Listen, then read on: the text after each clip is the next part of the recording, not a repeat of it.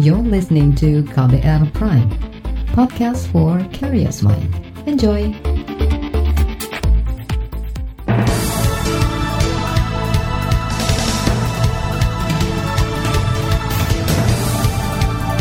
Selamat pagi saudara, senang sekali rasanya saya bisa kembali hadir menjumpai Anda pagi hari ini di program Buletin Pagi. Edisi hari ini Rabu 21 Oktober 2020. Pagi hari ini sejumlah informasi telah kami siapkan untuk Anda. Di antaranya, setahun Jokowi Ma'ruf rapor penyelesaian HAM berat masa lalu masih merah. Wapres dorong UMKM bidik potensi industri halal global dan belasan tersangka pelaku intoleransi di Solo segera diadili. Bersama saya Reski Mesanto, inilah Buletin Pagi selengkapnya. Terbaru di Buletin Pagi. Saudara, penyelesaian pelanggaran hak asasi manusia atau HAM berat masa lalu masih terabaikan selama setahun pemerintahan Joko Widodo Maruf Amin. Ketua Bidang Advokasi YLBHI Muhammad Isnur mengatakan, Jokowi Maruf terlihat tidak menjadikan HAM hal yang penting. Menurut Isnur, selama ini tidak terlihat adanya kemauan politik pemerintah untuk menyelesaikan pelanggaran HAM berat masa lalu. Diketahui masih ada 12 kasus pelanggaran HAM yang berat yang sampai sekarang belum memiliki kepastian hukum. Kemudian juga yang juga nggak kalah penting adalah bagaimana penyelesaian masa HAM masa lalu, tagih dan janji presiden dari dulu ya, ada 12 perkara yang ditulis oleh Komnas HAM itu sama sekali nggak ada kemajuannya tuh. Bahkan di periode Jokowi inilah Januari bahkan Jaksa Agung bilang peristiwa Semanggi Semanggi 2 bukan tentang HAM berat gitu kan. Kayak gitu-gitu itu menunjukkan bahwa semakin HAM ini dan hukum ini semakin injak. Ketua Bidang Advokasi Muhammad Isnur mengatakan pemerintahan Jokowi Maruf masih jauh dari janji kampanye keduanya terkait penegakan hukum dan HAM. YLBHI memberi rapor merah pada penegakan hak asasi manusia tahun pertama periode kedua pemerintahan Jokowi. Isnur juga mendesak pemerintah mencabut kebijakan yang tidak sesuai dengan hukum dan hak asasi manusia. Sementara itu, ketidakpuasan terhadap kinerja tahun pertama Jokowi Ma'ruf di bidang penegakan hak asasi manusia atau HAM juga disampaikan Maria Sumarsi, orang tua dari korban tragedi Semanggi 1 tahun 98. Sumarsi menilai Presiden Jokowi tidak menepati janjinya menyelesaikan kasus pelanggaran HAM berat masa lalu. Uh, janji itu adalah akan menyelesaikan kasus uh, Trisakti Semanggi 1 dan 2 yang salah satu korbannya adalah anak saya. Nah, kemudian hari ini saya kan nulis di Facebook, di mana di di uh, Instagram, di Twitter uh, bahwa ya Pak Jokowi jangan ingkar janji.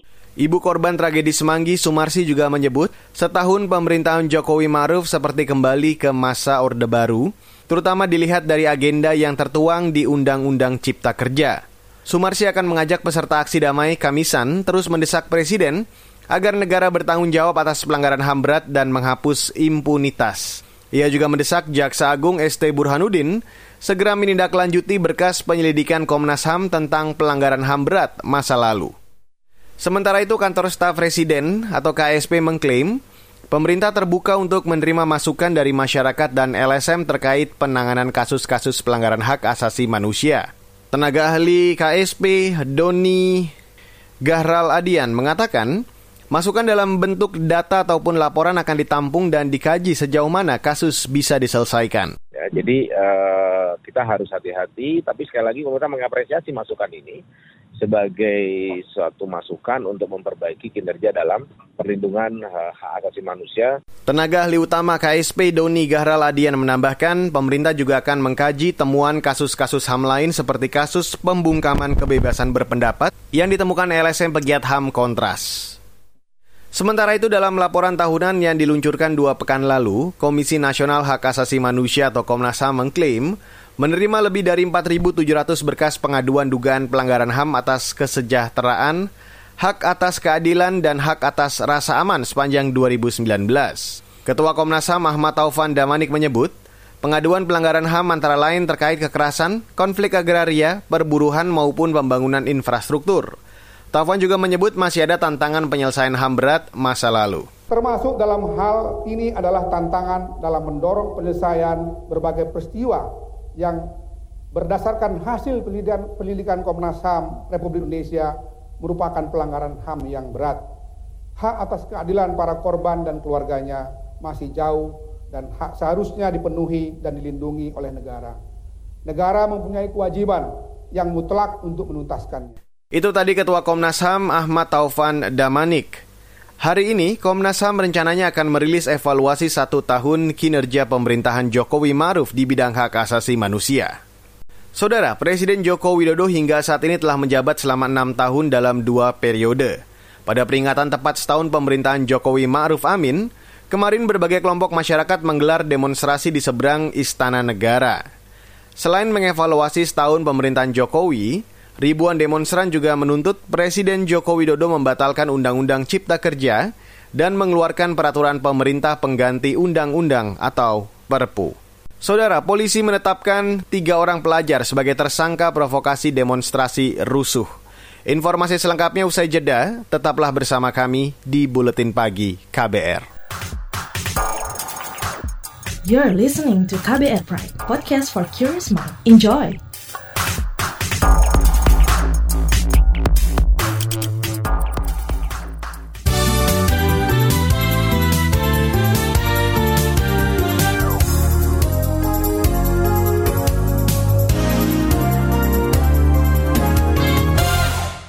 Kepolisian menetapkan tiga tersangka yang diduga sebagai provokator demo menolak Undang-Undang Cipta Kerja yang berujung rusuh di Jakarta. Juru bicara Mabes Polri Argo Yuwono mengatakan, tiga tersangka itu masih berstatus sebagai pelajar. Ketiganya ditangkap Senin kemarin. Argo menyebut masing-masing tersangka membuat ajakan untuk demo anarkis melalui media sosial Facebook dan Instagram ada akun namanya STM Sejabodetabek di Facebook. Adminnya adalah tadi tersangka MI dan tersangka WH. Dia ngapain? Ini admin ini. Ah, dia itu memposting di Facebook, mengundang teman-teman STM atau SMK sejabodetabek untuk demo tanggal 8 sampai 13 Oktober di Istana dan DPR RI. Kemudian seruannya apa ajakannya? Tujuan demonya harus rusuh dan ricuh. Juru bicara Mabes Polri, Argo Yuwono menjelaskan, tiga orang itu dijerat pelanggaran pasal Undang-Undang Informasi dan Transaksi Elektronik, serta pelanggaran KUHP pasal penghinaan terhadap penguasa. Argo menambahkan, polisi akan terus melakukan patroli cyber guna menelusuri akun-akun di media sosial yang mengunggah provokasi dan ajakan-ajakan kekerasan. Sebelumnya, polisi juga menetapkan sembilan orang tersangka dalam ujaran kebencian dan provokasi terkait aksi menolak Undang-Undang Cipta Kerja. Saudara LSM Hak Asasi Manusia Kontras memberi rapor buruk terkait perlindungan kebebasan sipil selama setahun pemerintahan Joko Widodo Maruf Amin. Wakil Koordinator Kontras Rifan Li Anandar mengatakan, banyak kebijakan yang membatasi kebebasan sipil dan membungkam kebebasan berekspresi selama setahun pemerintahan Jokowi. Kontras juga menyebut Indonesia tengah mengalami resesi demokrasi. Jadi ada surat telegram pasal penghinaan presiden, penguasa dan sebagainya. Terus ada kontra narasi terhadap penolakan omnibus law kayak gitu-gitu loh. Nah itu semua adalah hak yang harus dijamin sebetulnya dari dari negara. Tapi negara justru mengeluarkan kebijakan-kebijakan yang kontradiktif dan semakin melegitimasi represivitas aparat di lapangan. Selain itu, diamnya presiden atas kebijakan-kebijakan tersebut juga semakin memperparah situasi kebebasan sipil gitu. Wakil Koordinator Kontras Rifan Lianandar mengatakan mengatakan selama 12 bulan terakhir terdapat lebih dari 150 peristiwa pembatasan kebebasan sipil. Di antaranya pembatasan kebebasan berkumpul, berasosiasi hingga pembatasan berekspresi. Menurut Rivanli, polisi menjadi aktor utama pelaku pembatasan kebebasan sipil, disusul pemerintah pusat dan daerah. LSM Kontras menilai kebijakan-kebijakan pemerintah saat ini semakin mengarah pada otoriter. Kita beralih ke informasi ekonomi. Saudara pemerintah mengklaim sedang mendorong para pelaku usaha mikro kecil menengah atau UMKM agar menjadi bagian dari rantai nilai industri halal global. Wakil Presiden Maruf Amin mengatakan, upaya ini bisa memacu pertumbuhan usaha dan peningkatan ketahanan ekonomi nasional. Dorongan pemerintah di antaranya melalui kebijakan seperti penyederhanaan dan percepatan proses perizinan dan fasilitasi biaya sertifikasi halal bagi UMK. Maruf Amin mengingatkan, saat ini Indonesia masih menjadi konsumen industri halal global dan bukan produsen. Kita harus dapat memanfaatkan potensi halal dunia ini dengan meningkatkan ekspor kita yang saat ini baru berkisar 3,8 persen dari total pasal pasar halal dunia. Wakil Presiden Maruf Amin mengatakan industri halal di pasar global memiliki potensi yang sangat besar. Pada 2017, produk pasar halal dunia mencapai 2,1 triliun dolar Amerika Serikat dan diyakini akan terus berkembang hingga 3 triliun dolar pada tahun 2023. Dan berdasarkan laporan dari Global Islamic Economic Report pada tahun lalu, negara eksportir industri halal terbesar dunia adalah Brazil, disusul Australia. Sedangkan Indonesia masih tertinggal jauh. Saudara, tepat setahun pemerintahan Joko Widodo Maruf Amin kemarin, indeks harga saham gabungan atau IHSG ditutup melemah di level 5099. Indeks tertekan 26 poin atau 0,52 persen. Data RTI menyebut lebih dari 300 saham melemah, terutama sektor perbankan, properti, sumber daya energi, dan sebagian sektor konsumer dan konstruksi. Sejumlah saham liquid pun tertekan cukup dalam, di antaranya HM Sampurna dan Gudang Garam. Sedangkan saham blue chip yang menguat paling tinggi antara lain Astra International menguat 3,5 persen dan Semen Indonesia menguat 3,2 persen. Sementara mata uang rupiah diperdagangkan di level 14.656 rupiah per satu dolar Amerika. Kita beralih ke berita mancanegara, Indonesia dan Jepang sepakat menjalin kerjasama terkait isu Laut Cina Selatan atau LCS. Kedua negara juga sepakat bekerja sama pada isu Korea Utara. Hal itu disampaikan Perdana Menteri Jepang Yoshihide Suga usai bertemu Presiden Joko Widodo di Istana Bogor kemarin. Suga menegaskan Indonesia-Jepang akan terus bekerja sama dan bergandeng tangan bagi perdamaian di kawasan. Ia menjadi kepala negara pertama yang mengunjungi Indonesia di masa pandemi COVID-19. Sebelum mengunjungi Indonesia, Suga lebih dulu berkunjung ke Vietnam dan bertemu Perdana Menteri Vietnam. Yoshihide Suga menjabat sebagai Perdana Menteri Jepang menggantikan Shinzo Abe yang mundur karena kondisi kesehatannya memburuk. Kita beralih ke berita olahraga, saudara. Tim sepak bola nasional Indonesia U19 menang telak 4-0 atas klub papan atas Kroasia, Hajduk Split. Pertandingan uji coba itu digelar di Stadion Sloga Mravins, Kroasia kemarin. Indonesia tampil lebih bergairah di laga ini. Empat gol Indonesia atas Hajduk dicetak Bagas Kava, Pratama Arhan dan Beckham Putra melalui tendangan penalti dan ditutup pemain Indonesia berdarah Inggris Jack Brown. Pelatih tim nasional Sintayong juga terus melakukan penyegaran pemain untuk memaksimalkan kemenangan. Selama pemusatan latihan di Kroasia, Jack Brown dan Witan Sulaiman memimpin daftar pencetak gol terbanyak tim nasional Indonesia U19. Saudara laporan khas KBR mengenai wacana pembangkangan sipil terhadap Undang-Undang Cipta Kerja akan hadir usai jeda. Tetaplah bersama kami di Buletin Pagi KBR. You're listening to KBR Pride, podcast for curious mind. Enjoy!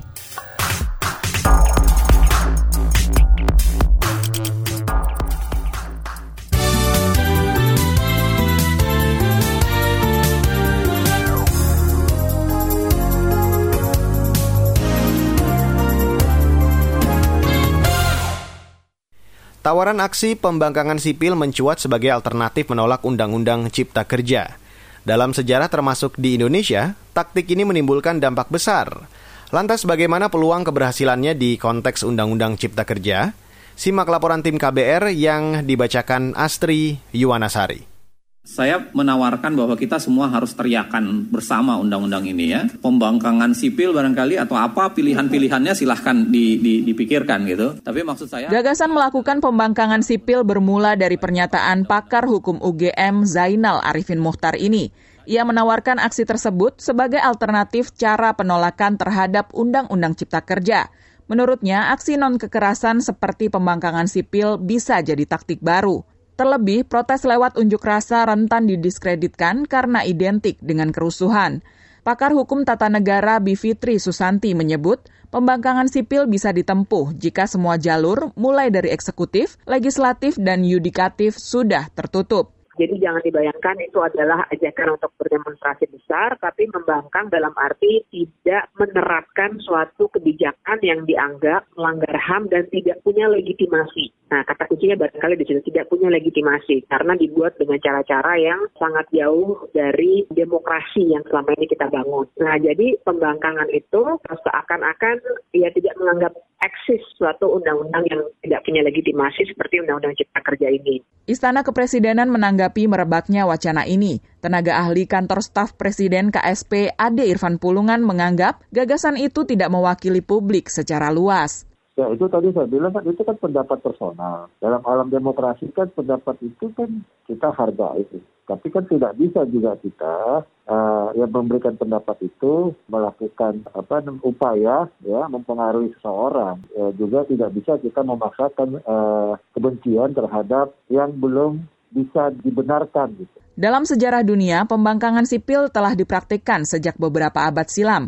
Beberapa tokoh populer yang pernah menginisiasinya antara lain Rosa Parks, Martin Luther King, dan Mahatma Gandhi. Belakangan, remaja Swedia Greta Thunberg juga menghentak dunia lewat aksinya menentang perubahan iklim. Di Indonesia, pembangkangan sipil juga bukan hal baru. Sejarawan Universitas Sanata Dharma, Baskara Tewardaya, mencontohkan perlawanan yang dilakukan masyarakat Samin. Pada awal abad 20 masa penjajahan Belanda, Samin Surosentiko di Jawa Tengah menginisiasi gerakan menolak bayar pajak kepada pemerintah kolonial.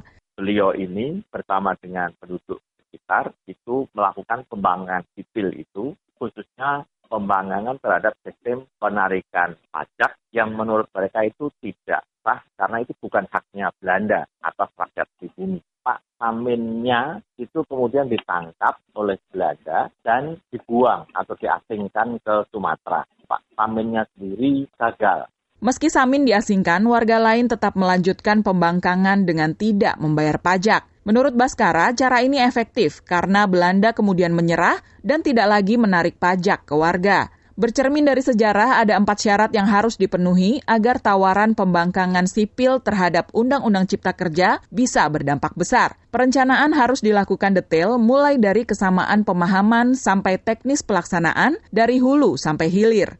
Syarat pertama, kita baca undang-undangnya dulu.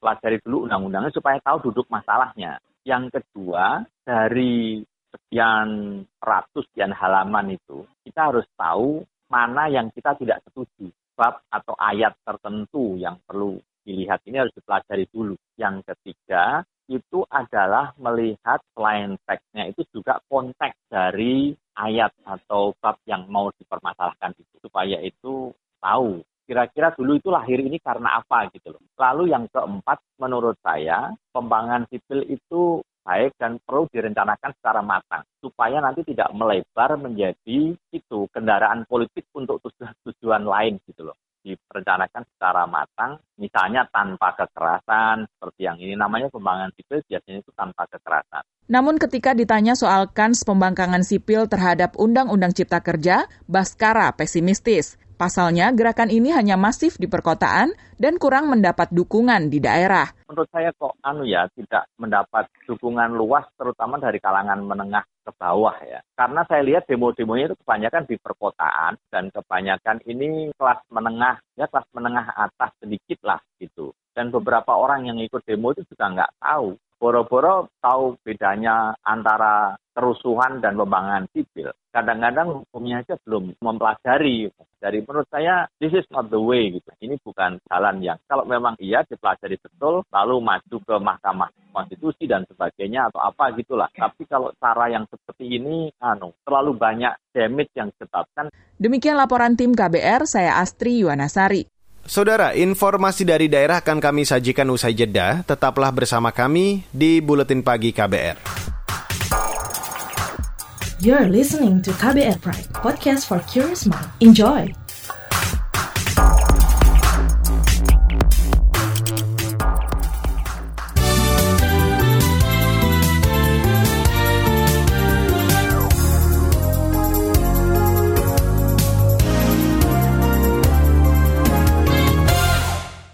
Saudara, inilah bagian akhir Buletin Pagi KBR edisi 21 Oktober 2020 kita ke informasi pilkada.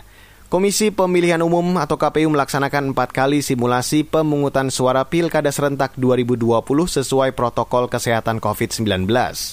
Pelaksana harian Ketua KPU Ilham Saputra menyebut, salah satu tantangan integritas pilkada di masa pandemi corona adalah menaati protokol kesehatan. Ilham mengatakan KPU akan memastikan pada saat pelaksanaan pilkada nanti, petugas TPS mengenakan alat pelindung diri, penyemprotan disinfektan di TPS secara berkala, serta penyediaan cuci tangan portable. Selain itu, penyelenggara juga wajib memeriksa suhu tubuh calon pemilih dan pemberian sarung tangan kepada pemilih pasangan calon agar kemudian memastikan seluruh proses kampanye yang sudah diatur dalam PKPU 13 dan PKPU 11 itu menjalankan protokol pencegahan COVID-19. Ya, saya memohon sekali lagi dalam forum ini agar kemudian pelanggaran-pelanggaran yang ditemukan oleh Bawaslu ya kemudian dibubarkan dan bahkan bisa saja kami berikan sanksi tidak berkampanye selama tiga hari dan bahkan bisa dilaporkan kepada kepolisian Pelaksana harian Ketua KPU Ilham Saputra menambahkan KPU mendorong partisipasi masyarakat untuk menggunakan hak pilihnya meski masih dalam suasana pandemi dengan mematuhi protokol kesehatan. Simulasi pemungutan suara itu nantinya akan diteruskan di KPU provinsi dan kabupaten kota yang menyelenggarakan pilkada. Kita ke Jawa Tengah, Saudara Kepolisian Surakarta segera menyidangkan belasan berkas tersangka kasus intoleransi. Informasi selengkapnya kita bergabung bersama kontributor KBR di Solo, Yuda Satriawan. Yuda. Polresta Solo menyatakan akan mengungkap kasus intoleransi yang terjadi di Solo hingga tuntas. Kapolresta Solo Adi Safri Simanjuntak mengatakan dari 12 tersangka yang dijerat, hampir seluruh berkasnya kini menuju proses peradilan. Menurut Ade, proses persidangan kemungkinan akan dipindah ke Semarang. Untuk penyidikan kasus kekerasan yang dilakukan oleh kelompok intoleran beberapa waktu lalu pada tanggal 8 Agustus 2020 di Metro Danan Pasar Kliwon. Sampai saat ini masih terus dilakukan pengembangan hasil penyidikan yang dilakukan oleh Polri. Dalam hal ini sampai dengan saat ini sudah 12 orang yang telah ditetapkan sebagai tersangka. Dan 8 di antaranya sudah dinyatakan lengkap atau P21 oleh Jaksa Penuntut Umum pada kantor Kejari Kota Surakarta dan sudah dilakukan tahap kedua yaitu penyerahan tersangka dan barang bukti ke kantor Kejaksaan Negeri Kota Surakarta untuk proses penuntutan lebih lanjut. Uh, informasi yang kami dapatkan dari Kejari bahwa untuk proses persidangannya akan dipindahkan ke PN Semarang. Polresta Solo terus mengembangkan kasus intoleransi anarkis yang terjadi saat perayaan pernikahan salah seorang tokoh agama di Solo Agustus lalu. 12 orang yang ditangkap dan sudah berstatus tersangka. Polisi masih memburu pelaku lainnya karena sudah mengantongi identitas anggota kelompok tersebut. Dari Solo, Jawa Tengah, Yudha Satriawan, KBR. Kita bergeser ke Jawa Timur. Para petani di Kabupaten Magetan, Jawa Timur mengadukan dugaan penyelewengan pupuk bersubsidi ke markas kepolisian Resort Magetan. Diduga pupuk bersubsidi yang diselewengkan mencapai 7,5 ton. Pengawas gabungan kelompok tani desa Gebyok Magetan Mulyono mengatakan, pada musim tanam kedua, mereka sudah membayar biaya kuota pupuk bersubsidi. Namun hingga memasuki masa tanam ketiga, pupuk-pupuk bersubsidi tidak pernah diterima petani.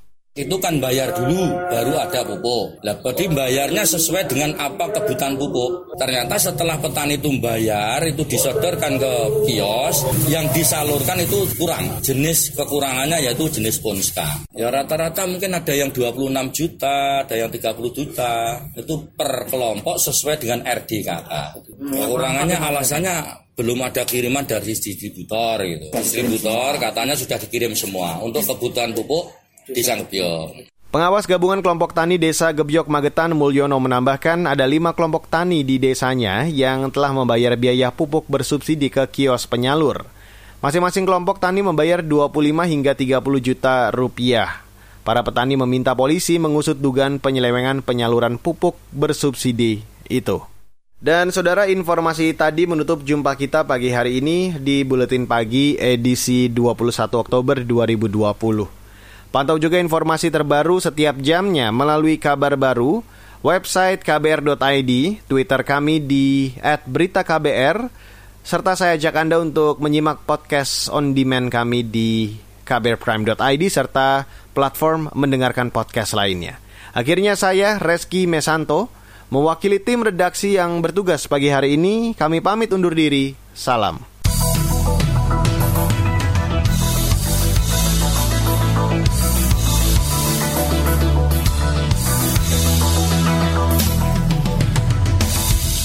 KBR Prime, cara asik mendengar berita. KBR Prime, podcast for curious mind.